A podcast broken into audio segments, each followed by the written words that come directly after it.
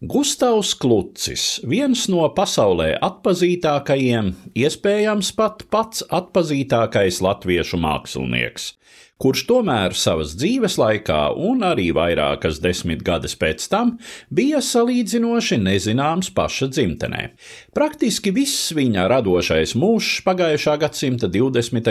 un 30. gados aizritēja tobrīd nesen tapušajā padomju valstī, kur viņš kļuva par vienu no šīs valsts kultūrvides veidotājiem un līdz ar to jaunu ceļu meklētājiem pasaules vizuālajā mākslā. Klucis Šis tiek minēts kā viens no ievērojamākajiem padomju konstruktīvisma virziena pārstāvjiem un viens no fotomontāžas tehnikas pionieriem. Daudzos gan viņa māksla izraisa pretrunīgu un pat noliedzošu reakciju, jo tās galvenais saturs ir bolševiku revolūcijas ideju un vēlāk arī Staļina personības kulta propaganda.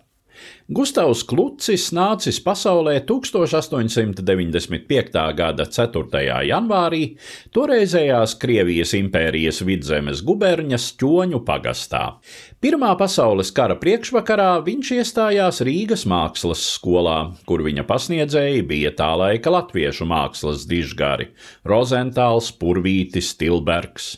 Šo izglītības procesu pārtrauca karš un iesaukšana Krievijas armijā, tālāk revolūcija, sarkanā strēlnieka un bolševiku vadoņa Ļeņina apsardzes kareivja gaitas Maskavā un izglītošanās pie vairākiem izciliem krievu māksliniekiem. Starp viņiem pirmām kārtām minams leģendārais avangardists, supremātisma virziena aizsācējs Kazimirs Maļevičs. Augstākajās mākslinieciski tehniskajās meistardarbnīcās, jeb Hutemas. Pabeidzis studijas, Gustavs Klucis tūdaļ pats kļuva par meistardarbnīcu pasniedzēju. Kluča daļrades dominējošais žanrs ir plakāts. Viņa oriģinālās tehnikas spilgtākā iezīme - fotografētu detaļu iekļaušana konstruktīvisma kompozīcijās līdz ar geometriskām formām un tekstu. Mākslinieks apbrīnojami efektīgi izmanto mērogu, kombinējot dažāda lieluma attēlus un figūras. Fotogrāfijas sastindzinātā kustība, iekļauta mākslinieka būvētajās kompozīcijās, atkal atdzīvojas vērotāja uztverē, kļūstot līdzīga kinokadram. Kā savulaik raidījumā šīs dienas acīm sacīja kinorežisors Pēteris Krilovs, Gustavam Klucim veltītās filmas Nepareizais latvietis autors, Klucis savulaik strādājot ar šķērītēm un līmīti, panācis efektu, kāds retajam izdodas ar visām modernajām trīsdimensiju datorgrafikas iespējām. Var piebilst, ka Gustava Kluča pastāvīgā līdzradītāja bija arī viņa dzīvesbiedre, gleznotāja un grafiķe Valentīna Kulāgina. Nav pamata domāt, ka Gustavs Klucis neticēja vispasaules proletāriskās revolūcijas un komunisma celtniecības idejām. Pēc visas spriežot, puisis no ķoņiem sevi atrada jaunās pasaules cēlāju rindās, aktīvi veidojot šīs pasaules vizuālo tēlu.